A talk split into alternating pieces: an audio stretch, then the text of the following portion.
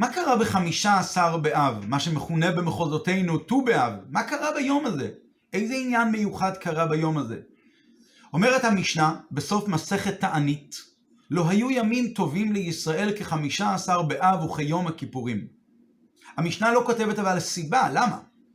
היא רק אומרת את זה כמשפט, כאקסיומה. לא היו ימים טובים כאלה. אומרת הגמרא, כאשר היא דנה בדברי המשנה, שיש כמה וכמה טעמים ליום טוב הזה של חמישה עשר באב. האמוראים, חכמי הגמרא, נותנים, כל אחד נותן את הסיבה מה שהוא למד מרבו. יום שהותרו שבטים לבוא זה בזה, אפשר להתחתן משבט אחד לשבט אחר, אישה משבט אחד יכולה להתחתן מגבר, עם גבר משבט אחר. יום שהותר שבט בנימין לבוא בקהל. שבט בנימין שהיה מנודה אחרי הסיפור של פילגש בגבעה, קיבל אישור לחזור חזרה ולהתערבב בעם ישראל. יום שכלו בו מתי מדבר, אותם מתי מדבר במשך 40 שנה, שחפרו את קבריהם בתשעה באב אחרי חטא המרגלים, שמשה רבינו אמר לישראל, אתם פה תמותו במדבר, ובכל שנה ושנה בתשעה באב היו אה, אה, נפטרים עוד ועוד אנשים עד שכלו מתי מדבר. מתי זה היה? זה היה ביום חמישה עשר באב, אז התברר לכולם שהגזירה בטלה, עברו ארבעים שנה והגזירה התבטלה. יום שביטל הושע בן אילה פרוסטיות שהושיב ירובעם בן נבט על הדרכים שלא יעלו ישראל לרגל. ירובעם בן נבט, המלך הראשון למלכי ישראל, שאז היה את הספליט, ההפרדה שבין ישראל ליהודה, ואז הוא הושיב שם אה, מחיצות, שומרים, שלא לתת לכל, לא לתת לאף אחד לעלות לירושלים, ובמקום זה היו אנשים הולכים לבית אל, למקדש האלילי שהקים ירובעם בן נבט. אז לאחר מכן, אחרי שנים שנים רבות של הפרדה ושל פיצול בין ישראל ליהודה, בא הושע בן אלה, כמדומני אחד מהמלכים האחרונים, או המלך האחרון למלכי ישראל, וביטל את הפיצול הזה, ביטל את המחיצות הללו, מכאן ואילך אפשר לעלות לירושלים, אפשר לעלות לרגל לבית המקדש. גם אותם אלה שהיו משבט, משבטי ישראל, לא רק משבטי יהודה.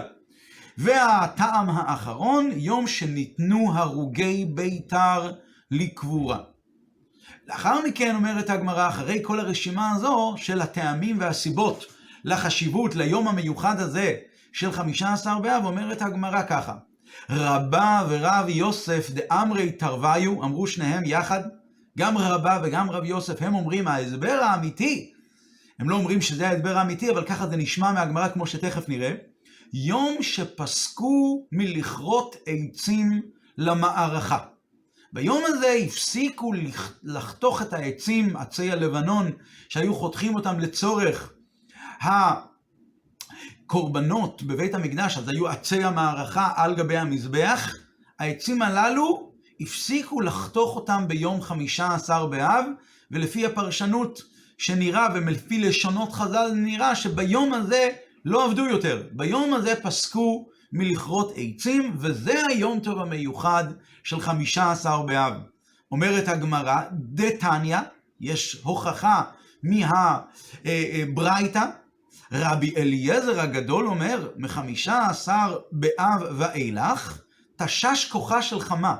מהיום הזה ואילך החמה מתחילה להיחלש קצת, ולא היו כורתים עצים למערכה לפי שאינם יבשים, מכאן ואילך העצים הם כבר יותר לחים, ואז הם פסולים לבית המקדש, הם יכולים יותר להתליע, ולכן לא מביאים אותם יותר לצורך המערכה, לצורך הקורבנות בבית המקדש, ולכן מדברי רבי, מדברי, מדברי רבי אליעזר הגדול מצינו למדים שיום חמישה עשר באב הוא יום שהפסיקו לכרות עצים למערכה. רק רבי אליעזר הגדול לא אומר שזה יום טוב בגלל זה, אבל הגמרא מסתייעת מדברי רבי אליעזר הגדול ואומרת, אתה רואה? סימן שזה יום טוב גדול, יום שפסקו עצים מלכרות למערכה. אמ, ואז הגמרא מסיימת ואומרת ככה, אמר רב מנשיה וקראו לי יום תבר מגל. קראו ליום הזה יום שבירת המגל. עד כאן הגמרא שנוגעת לענייננו. אלה הם הרשימה, זוהי הרשימה של המאורעות המיוחדים שאירעו ביום חמישה עשר באב, שלכן כל אחד מהחכמים טוען, זוהי הסיבה שגרמה ליום טוב המיוחד הזה. יש איזה משהו משותף בכל הימים הטובים שאירעו, לעומת הטעם האחרון, שכל הטעמים גם uh, ביטל uh, יום שקלו בו מתי מדבר, יום שביטל הושע בן אלה את המחיצה לעלות לרגל, יום שניתנו הרוגי ביתר לקבורה. כל הטעמים האלה הם הסברים שאירע בו איזה אירוע מאורע חיובי ומועיל לעם ישראל, לעם ישראל, או יום שבו מילאו איזשהו חיסרון כלשהו, יום שבו הותרו השבטים לבוא זה בזה, יום שהותר שבט בנימין לבוא בקהל, אנחנו מבינים שהיום הזה הפך להיות יום טוב, בגלל שהיום הזה היה יום שהוא מאורע חשוב לעם ישראל. אבל לגבי הטעם האחרון, יום שפסקו מלכרות עצים למערכה. מה המעלה המיוחדת, איזה טוב יש בזה שהפסיקו להכין עצים למערכה, עד כדי כך שזה הפך להיות יום טוב, עד כדי כך שזה הפך להיות יום טוב שווה ליום הכיפורים. ביום הזה הפסיקו לעבוד למקדש. אז מדוע היום הזה הופך להיות יום טוב? ועוד רב, רב מנשיה, בסוף הגמרא, מוסיף שביום הזה זה יום כזה מיוחד. ההפסקה הזאת של העצים למערכה היא יום כזה מיוחד, שקראו לזה, ליום הזה יום עם שם מיוחד, יום שבירת המגל. מה מיוחד ביום הזה? התמיהה מתחזקת עוד יותר, כי כשאנחנו רואים שהגמרא מביאה כהוכחה את רבי אליעזר הגדול שאמר שלא היו כורתים עצים למערכה בגלל שתשש כוחה של חמה, אז יוצא כאן שעובדה שהטבע נחלש, יש איזה מחסור כלשהו בטוב שהטבע מביא. הטבע נחלש, זה מביא איזה משהו טוב, שעכשיו יש עצים למערכה, עצים יב... עכשיו, מכאן ואילך לא יהיו עצים שלא יהיו יבשים למערכה, זה נשמע מאוד מאוד מוזר, כאילו אנחנו עושים יום טוב מחולשה של דבר טוב שקיים בטבע, ממש ממש פלא. אבל אבל מה שכן אנחנו רואים מהסגנון ומהצליל של הגמרא, שהעובדה שגם רבה וגם רבי יוסף, שניהם, עמרי תרוויו, אמרו את זה יחדיו, וגם רב מנשיה, ואפילו רבי אליעזר הגדול, שאומנם לא אומר במפורש שזה הסיבה של היום טוב, אבל הוא מציין את היום הזה, שיום הזה פסקו מלכרות עצים למערכה בגלל שתשש כוחה של חמה, נראה שהטעם הזה, בשונה מכל הטעמים, הוא טעם עיקרי יותר, הוא טעם חשוב יותר לשמחה המיוחדת של חמישה עשר באב. לכל הפחות הוא יותר מהטעמים האחרים. למרות שכל אחד אמר את מה שהוא שמע מרבו, אז יש כאן עוד כל מיני אה, אה, דעות, ויש כאן אולי עוד כל מיני רבים, אבל מהסגנון שהגמרא מביאה את זה, נראה שזה הטעם העיקרי והטעם החזק ביותר. והשאלה, של, והשאלה שנשאלת לי, מה כל כך מיוחד ביום טוב הזה? למה הפסקת העצים לצורך, הפסקת כריתת העצים למערכה, מייצר יום טוב? רבינו גרשום, בפירוש שלו, בפירוש שלו על הגמרא, לא על הגמרא במסכת תענית, אלא על הגמרא במסכת בבא בתרא, גם שם מופיע הנקודה הזו. אומר רבינו גרשום שהחשיבות של היום טוב הזה שפסקו עצים, פסקו מלכרות עצים למערכה, כי כשהם היו עסוקים בכריתת עצים, אז הם היו עסוקים ולא יכלו ללמוד תורה. באותו יום שהם פסקו, הם יכלו ללמוד תורה, ולכן היום טוב הזה הוא יום מיוחד, שאפשר לחזור ללמוד תורה. הרשב"ם, רבינו שמואל בן מאיר, גם הוא במסכת בבא בתרא, אומר לא, אומר באותו יום שפסקו היו שמחים לפי שביום הזה עשו השלמה של מצווה. מצווה הושלמה. המעלה הזו שהפסיקו לכרות את העצים קשורה בהשלמת המצווה, מצינו בעניינים אחרים גם כן, כאשר הם משלימים נגיד את התורה, משלימים בשמחת תורה, השלמה של אה, לימוד התורה, עושים איזשהו עניין של שמחה, שמחה של מצווה לרגל השלמת המצווה, אותו דבר גם כאן. פסקו מלכרות עצים למערכה, ולכן עכשיו מכאן ואילך זה זמן שהוא, לא מכאן ואילך, היום הזה הוא יום שמח, יום מיוחד, שביום הזה אנחנו השלמנו ברוך השם את המצווה. דבר ראשון, יש לנו על מול שני הפירושים האלה אפשר להבין דווקא את רבינו, אה, אה, את רבינו שמואל בן מאיר הרשב"ם, שהוא לא סובר כמו רבינו גרשום, שניהם כמובן מהראשונים, אבל אפשר להבין מדוע הוא לא מסכים איתו. כי לפי ההסבר של רבינו גרשום, שהעניין הוא שעכשיו התחילו ללמוד תורה, אז לא, לא כתוב את זה בגוף הגמרא, העיקר חסר מהגמרא. הגמרא הייתה צריכה להגיד, מכאן ואילך היו עוסקים בתורה. לא כתוב את זה. רבה ורב יוסף דאמרי תרוויו, אמרו שניהם, יום שפסקו מלכרות עצים למערכה. זה היום טוב. אוקיי, ומה היום טוב? הגמרא הייתה צריכה להמשיך, ומכאן ואילך יכלו ללמוד תורה. ומעניין, בהמשך הגמרא מיד מופיע שם במסכת תענית, לא במסכת בבא בתרא, במסכת תענית, מופיעים ההמשך, שמכאן ואילך יש, הלילה מתחיל להתארך יותר, ואז תשש כוחה של חמה, הלילה מתחיל להתארך יותר, ואז מתחילים לעסוק בתורה, ומי שמוסיף, מוסיף יוסיפו לו חיים על, על, על שנותיו. והגמרא מתחילה לדבר באמת בהמשך על לימוד התורה, אבל מה ש... לימוד התורה מהיום הזה ואילך, אבל זה נראה שזה מאמר חז"ל נפרד, ולא לא שזה, לא שאלו הם דברי רבה ורב יוסף. כמובן, מהיום הזה הלילות הופכים להיות ארוכים יותר ואפשר יותר לעסוק בתורה, אבל דבר ראשון, העניין הזה, ויש כאן עניין נוסף, מה שרשבנו גרשום אומר שעשו שמחה מזה שהתחילו ללמוד תורה, זה אולי דבר שהוא נוגע רק לאותם כורתי העצים. מהלשון בגמרא נראה שזה יום טוב לכולם, לא רק לאותם כורתי העצים בלבד. לעומת זאת, לפי הפירוש של הרב, הרשב"ם, דווקא כן מובן, מהיום הזה השלימו את העניין של, יש כאן מצווה שהושלמה, אז אמנם כורתי העצים הם אלה שהשלימו את המצווה, אבל כולם ביחד עכשיו שמחים בשמחת המצווה שהושלמה. אמ, וכמו שאנחנו רואים לגבי סיום ספר תורה, שמישהו אחד מסיים וכולם משתתפים איתו, עושים שמחה לגומרה של תורה, כולם שמחים ביחד. בכל אופן, יש כאן לכאורה איזשהו יתרון בפירוש של הרשב"ם על הפירוש של רבינו גרשום, וגם יש כאן יתרון נוסף, לא סביר לומר שיקברו, יקבעו יום טוב ושמחה, שמתבטא בזה שיש איזשהו, המצווה הזו של כריתת עצים הייתה עושה איזה פגם, לא יכלו ללמוד תורה, וכעת ברוך השם אפשר ללמוד תורה. כאילו, תוך כדי אנחנו כאן נותנים איזושהי עוקצנות למצווה הזאת, ואומרים, המצווה הזאת יצרה ביטול תורה, ואנחנו שמחים שהפגם הזה כעת הושלם. קצת נשמע, קצת אה, אה, לא כל כך סביר, ולכן, לכאורה, הפירוש של הרשב"ם הוא פירוש יותר מתקבל על הדעת לכאורה. למרות שבאמת צריכים להבין את הפירוש של רבינו גרשום, אבל גם הפירוש של אה, אה, הרשב"ם טוען ביור. אנחנו עושים שמחה גדולה ומצווה גדולה לשמחה שגמרנו את התורה. אוקיי, אבל לכן זה עד כדי כך לא היו ימים טובים לישראל כחמישה עשר באב וכיום הכיפורים? בסדר, אז אנחנו עושים מצווה, וזו מצווה גדולה. למה, מדוע כריתת העצים שהושלמה עם מצווה כל כך גדולה. זה באמת מצווה, לכאורה זה, א', לכאורה זה לא כל כך מצווה, זה הכשר למצווה, מכינים עצים שיוכלו להקריב קורבנות על גבי המזבח בעתיד. זה הכשר מצווה, זה לא כל כך מצווה. ונגיד אפילו שמדובר על מצווה ממש, ולא הכשר מצווה.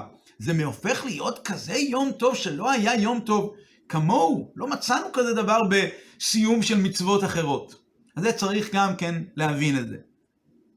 אחרי זה הסיומת של רב מנשיה, גם היא דורשת ביור. רב מנשיה אומר, אחרי שהגמרא מביאה, רבה ורב יוסף אמרו שהיום הזה הוא יום שפסקו לכרות עצים למערכה, ומביאים את הסיום מרבי אליעזר הגדול, שמספר לנו שתשש כוחה של חמה מחמישה עשר באב, ואז מגיעה הגמרא ומסיימת. רב מנשיה אמר, וקראו ליום תבר מגל.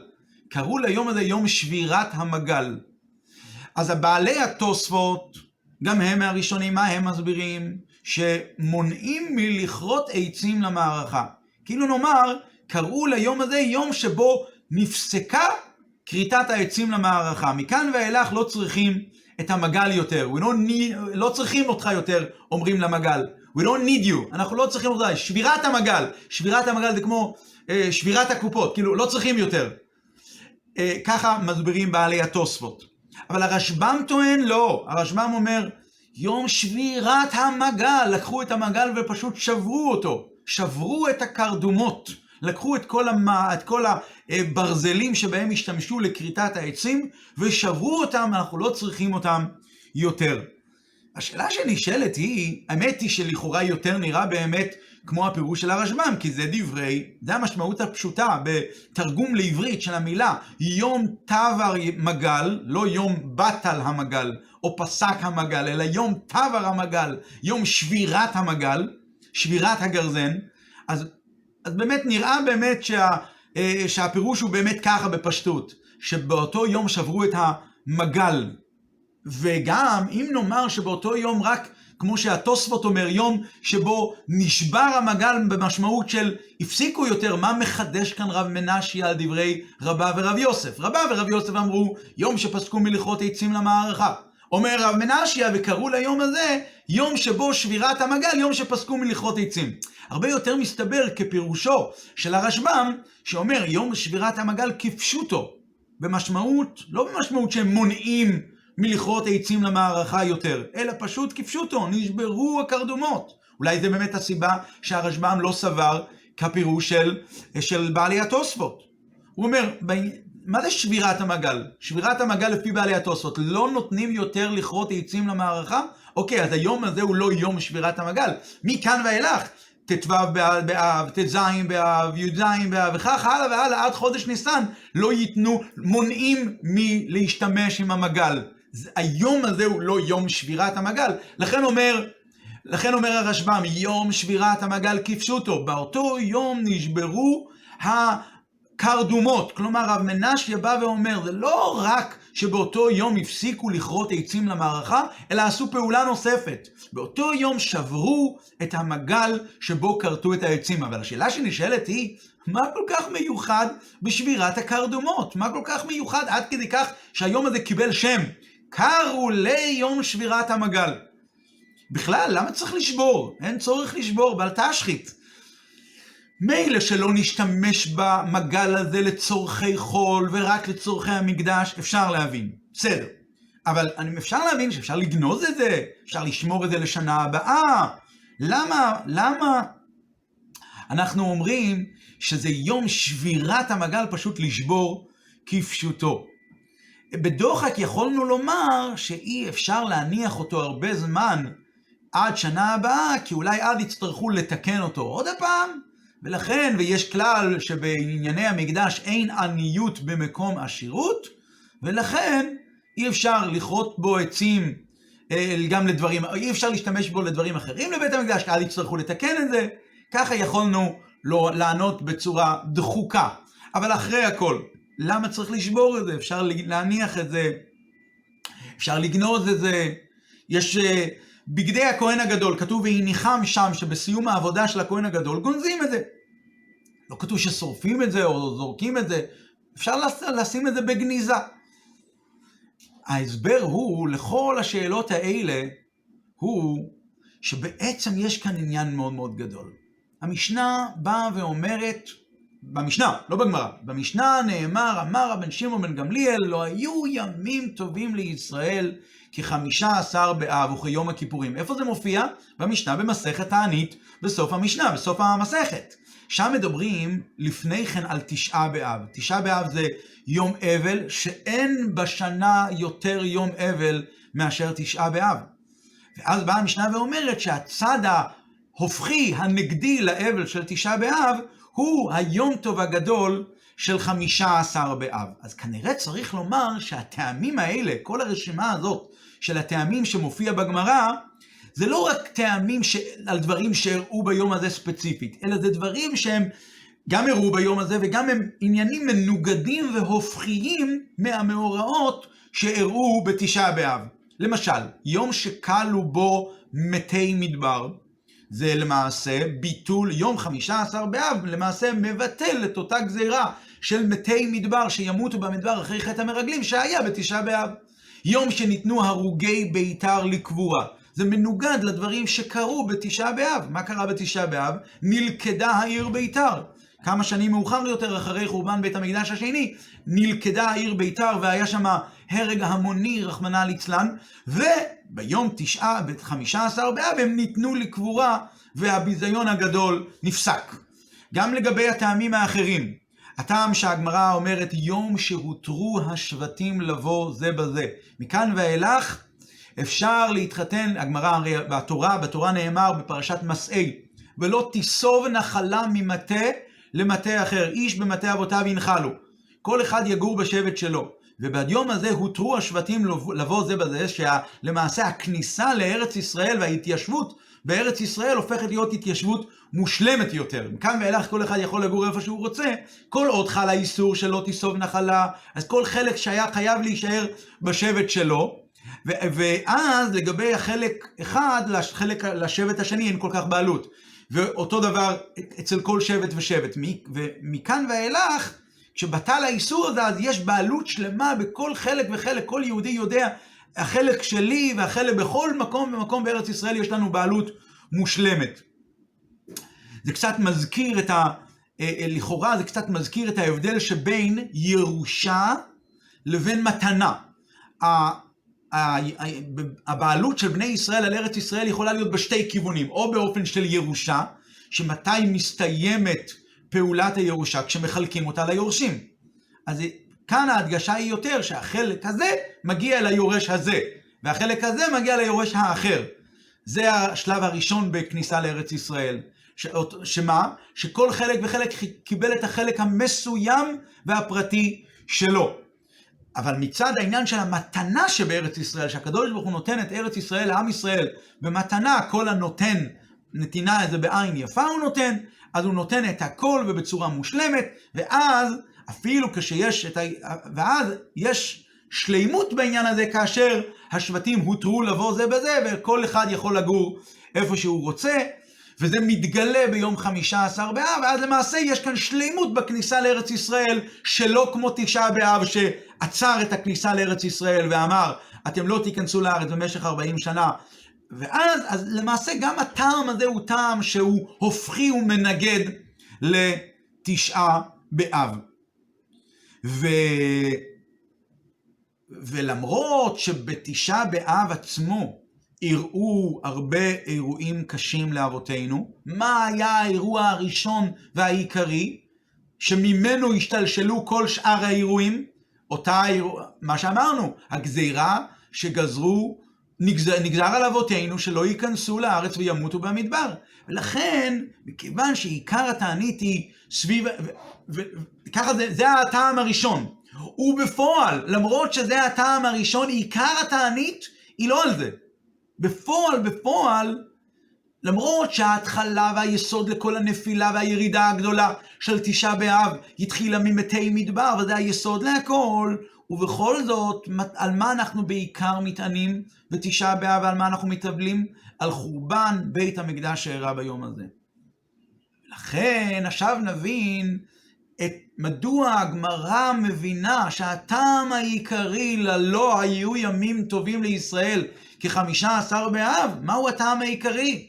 יום רבה ורבי יוסף דאמרי תרוויו. וכמו שאמרנו מקודם, מהצליל של הגמרא נראה שזהו הטעם העיקרי. יום שפסקו מלכרות עצים למערכה. העניין הזה קשור לבנייה ולקיום של בית המקדש, שזה ההפך מחורבן בית המקדש. כמו שאמרנו שהטעמים האחרים זה הסברים על ההופכיות מתשעה באב כיום שבו אה, נגזר על אבותינו לא להיכנס לארץ. כאן עכשיו אנחנו נדבר שיום שפסקו עצים ממליכות עצים למערכה, זה למעשה ההופכי לעניין החמור שאירע בתשעה באב של חורבן בית המקדש. מה היה? מה היה בחור? וזה הטעם העיקרי. ולמה זה הטעם העיקרי? כי זה עיקר ה- הירידה של תשעה באב בימינו. בימינו גם אז. עיקר עיקר העניין הוא החורבן. לכן עיקר ועיקר השמחה והעלייה הוא בטעם העיקרי, ההופכי לחורבן. ומהו הטעם העיקרי וההופכי? היום שבו, שבו פסקו עצים להרע, כמו שמיד נסביר. אבל כהקדמה קצרה. מה קרה בחורבן בית המקדש? בחורבן בית המקדש היו למעשה שני עניינים. דבר ראשון, בית המקדש נחרב, אין בית מקדש, ואין עבודות בבית המקדש. זה עניין אחד. דבר שני, שהוא למעשה הדבר הראשון, הסיבה לחורבן. בבית שני, הסיבה לחורבן, שהוא הרבה יותר חמור מ... הגמרא אומרת שחורבן בית המקדש השני חמור לנו הרבה יותר מחורבן בית המקדש הראשון. מה הסיבה? הסיבה היא מפני שהייתה בו שנאת חינם, כמו שאומרת הגמרא במסכת יומא. עכשיו נבין שהניגוד לשני העניינים האלו הן למה שקרה ביום הזה, חורבן בית המקדש, אין בית מקדש, ואין בסיבות שגרמו לחורבן הזה, בחמישה עשר באב התרחשו, התרחש הניגוד לשני העניינים האלה. ומה? אמר רבה ורב יוסף דאמרי תרוויו, יום שפסקו מלכרות עצים למערכה. למה באמת? למה ביום הזה שפסקו עצים מלכרות המערכה זה הניגוד לחורבן בית המקדש ולסיבות שגרמו לחורבן בית המקדש?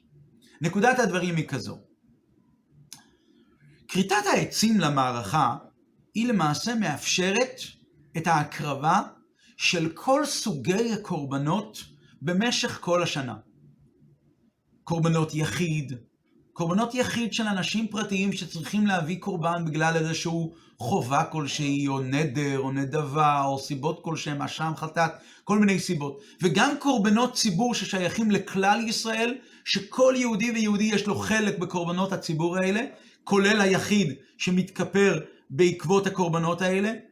כריתת העצים אפשרה את העניין הזה, הן את קורבנות הציבור והן את קורבנות היחיד. אז למעשה יוצא שפעולת כריתת העצים היא במהות הכי נעלה, שאז המצווה היא הרבה יותר גדולה. גם, גם העני לא יודע ממי הוא קיבל, וגם הנותן לא יודע למי הוא נתן, שזה אחת המעלות הגדולות ביותר. כאן יהודים באו וכרתו עצים והביאו אותם למקדש, אף אחד לא ידע מי כרת מה, ואותו עני שעכשיו צריך להביא את אה, קורבנותיו, את נדרו, את נדבותיו, אז צריכים עצים למערכה. מאיפה הוא משתמש בעצים? באותם עצים שמישהו כרת, הוא אפילו לא יודע מי זה. אז זה ממש מצוות הצדקה ברמה הגבוהה ביותר. ולא סתם צדקה, צדקה בעניין של קורבנות. זה צדקה גם בכמות, פשוט צדקה גדולה מאוד עבור כל ישראל וגם עבור יחידים מעם ישראל. מאפשרת קורבנות ציבור ומאפשרת קורבנות יחיד, וגם זה סוג אחר של קורבן מצוות הצדקה. בלי, לולי כריתת העצים עד חמישה עשר באב, לא יהיו עצים. כלומר, כאילו נאמר ככה, לו לא היינו עומדים בזמן, בקצב, וכורתים עצים, לא יהיו עצים במערכה. לכן, עכשיו נבין שהגמרא, רבא ורב יוסף מביאים סיוע מרבי אליעזר הגדול. מה רבי אליעזר הגדול אמר? דתניא, רבי אליעזר הגדול אומר, מחמישה עשר באב ואילך, תשש כוחה של חמה, ולא היו כורתים עצים למערכה. לכאורה נבוא ונשאל, מה חשוב הסיבה להפסקת העצים? הפסיקו, הפסיקו לעשות עצים. מה, למה אנחנו צריכים לדעת את הסיבות לעניין הזה? אלא מה, אדרבה, אה, מחמישה עשר באב תשש כוחה של חמה, אין, לא יהיו עצים ראויים למערכה. אז כל מי שעכשיו עבד עד היום הזה, וביום הזה למעשה גמרנו את זה בצורה מושלמת, ויצרנו שיש אפשרות להביא עצים. אין אפשרות אחרת יותר מאוחר. ולכן כאשר השגנו את השלימות של הבאת העצים האלה, שיאפשרו את הבאת הקורבנות בצורה מושלמת, אז למעשה מאפשרים את השלימות האמיתית של בית המקדש. שמה עניינו של בית המקדש? אומר הרמב"ם. מה התפקיד של בית המקדש? ההגדרה, בהגדרה, מה התפ... מהו התפקיד של בית המקדש? להיות בית להשם, להיות מוכן, להיות מקריבים עליו קורבנות. זה התפקיד העיקרי והיסודי של בית המקדש. זה מחלוקת שלמה בין הרמב"ם לרמב"ן, מעניין מה יאמר הרמב"ן, אבל בכל אופן הרמב"ם אומר, בית המקדש הוא בית להיות מוכן להקריב קורבנות. אז זה נעשה מושלם, בצורה מושלמת, ביום חמישה עשר באב, אז הפסיקו לכרות את העצים, ואז הבית הוא באמת מוכן להיות מקריבים עליו קורבנות, ולא סתם קורבנות, קורבנות יחיד וקורבנות ציבור, ו, ו, וזה יהיה לנו למשך כל השנה, עד אה, חודש ניסן, כל הקורבנות שיבואו עד חודש ניסן, הבא עלינו לטובה, ולכן זה יום גדול מאוד, וזה היום העיקרי, וזה הניגוד ליום תשעה באב, חורבן בית המקדש. וגם לסיבות שגרמו לחורבן בית המקדש. שנאת חינם פה זה אהבת חינם וצדקה ברמה הגבוהה ביותר. על זה מוסיף רב מנה, עכשיו נבין את כל סדר הדברים בגמרא. בהתחלה הגמרא אומרת את הניגוד, לת... הניגוד שאירע בחמישה עשר באב לעניינים השליליים שאירעו בתשעה באב, שהיו קדמו לזה, שזה היה מתי מדבר וגזירת המרגלים וכולי וכולי, אבל זה לא הרי הטעם העיקרי לאבל שלנו כיום, זה אולי, זה אולי גרם את זה, הביא את זה מלכתחילה, אבל זה לא הטעם העיקרי. מהו הטעם העיקרי לאבל שלנו? חורבן בית המקדש. אז הניגוד לחורבן בית המקדש הוא ההשלמה הזו של העצים לצורך, לצורך הקורבנות, שזה היסוד העיקרי לבית המקדש. אז זה מוסיף רב מנשיה, ואומר את המילים האלה, וקרו לי יום תבר מגל. על ידי ההפסקה הזו של כריתת העצים, מתחדש כאן עוד עניין. יש כאן עוד עניין בשלימות של המזבח. כאילו אומרים למזבח, מזבח, מזבח, עכשיו אתה יכול לעשות את התפקיד שלך בצורה המושלמת ביותר. ומהו התפקיד של המזבח? התפקיד של המזבח הוא להאריך ימיו של אדם. הגמרא אומרת ככה, יש איסור שהברזל ייגע באבני המזבח. והגמרא, ואז האבן, לו יצויר שיש אבן מסוימת, שברזל נגע בה, האבן נפסלת, אי אפשר לבנות אותה למזבח. והמשנה אומרת את ההסבר, את הנימוק, הברזל נברא לקצר ימיו של אדם, והמזבח נברא להאריך ימיו של אדם. אז כשרב מנשיה אומר, קרו לי יום תבר מגל, התכוונו לומר שביום הזה, אולי באמת בפועל שברו את הקרדומות, אבל המעלה של היום הזה הוא שבו הפסיקו לכרות עצים למערכה, זה לא רק סוג של אה, הכשר מצווה, שמכאן ואילך אה, אה, יש לנו את כל העצים לצורך הקרבת הקורבן. זה לא רק הכשר מצווה, שעכשיו כבר לא משתמשים, ועכשיו כבר לא משתמשים יותר במגל, המגל הזה הוא בטל. לא. ברגע הזה עכשיו המזבח יכול לעשות את העבודה שלו בצורה המושלמת ביותר. ומכיוון שהמזבח ותכליתו של המזבח להאריך ימיו של אדם, אז אומרים למגל לא צריכים אותך יותר, ושוברים אותו. שוב, נשברו הקרדומות, אומר הרשב"ם. מה פירוש נשברו הקרדומות? אין יותר, המזבח מכאן ואילך יעבוד יותר טוב, להאריך ימיו של אדם. וזה עכשיו מובן מדוע הגמרא מיד מביאה לאחר מכן את העניין הזה של לימוד התורה, שזה כאילו בימינו, לאחר רובן בית המקדש, בימינו מתשעה עשר באב ואילך, מי שיוסיף, יוסיף בלימוד התורה ויוסיפו על חייו ושנותיו. ולכן בכל אופן שברו את הקרדום שהוא ברזל, כפשוטו, מכאן שמכאן ואילך הברזל הוא לא משמש יותר לכריתת, אין צורך. כל תפקיד הברזל כאן הוא רק לכריתת העצים כדי שיהיה מזבח, והמזבח יאריך ימיו של אדם. מכיוון שכעת המזבח יהיה בפול ג'אב, אז ממילא בעבודה המלאה שלו, ממילא אין צורך במגל הזה. אז מה נשאר למגל? רק התכונה ההפוכה שלו. מה התכונה ההפוכה שלו? לקצר ימיו של אדם. נשבור אותו, ולכן זה לא בל תשחית. כי בל תשחית זה רק כאשר אנחנו עושים דבר שזה דרך השחתה וקלקול. אבל פה זה בעצם דרך תיקון, כי אנחנו מביאים כאן את התיקון המלא של, של הברזל בעצמו. כל תפקיד הברזל הוא לגרום בסופו של דבר שיהיו עצים, והעצים האלה יקריבו אותם על גבי המזבח, והמזבח מאריך ימיו של אדם. ולכן כרגע כשהברזל, כשהמזבח הולך לעבוד בצורה מושלמת, והכל הכל מוכן, ממילא יום תבר מגל כפשוטו. לפי כל זה נבין מה בפועל, מה בפועל הסיבות של יום חמישה עשר באב. למדנו. עד הטעם העיקרי של רבא ורב יוסף שאמרו שזה יום שבו פסקו מלכות עצים למערכה שזה הניגוד לחורבן בית המקדש. והסיבות שגרמו לחורבן בית המקדש. ומה בפועל עשו ביום הזה? אז זה אומרת המשנה, שבפועל, בעקבות זה שזה יום טוב, אז גרמו, גרמו תיקון לכל העניין הזה של החורבן.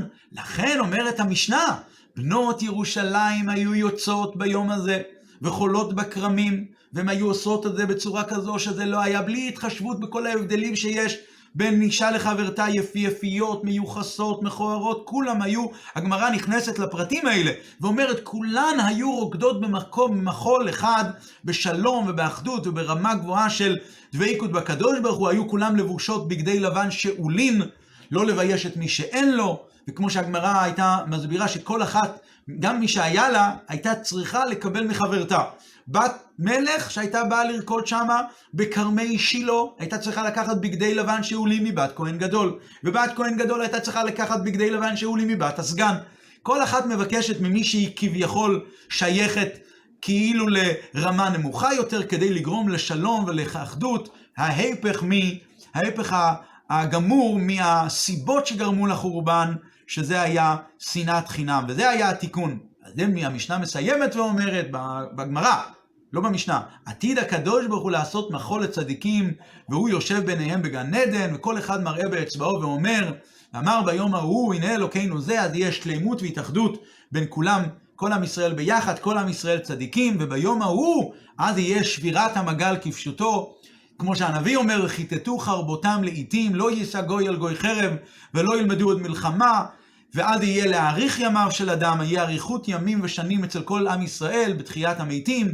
כל ישראל יש להם חלק לעולם הבא, שנאמר, ועמך כולם צדיקים, כולם יתלו חלק במחול הגדול הזה, שאותו הקדוש ברוך הוא עתיד לעשות, ושכל זה יהיה במהרה בימינו, אמן ואמן.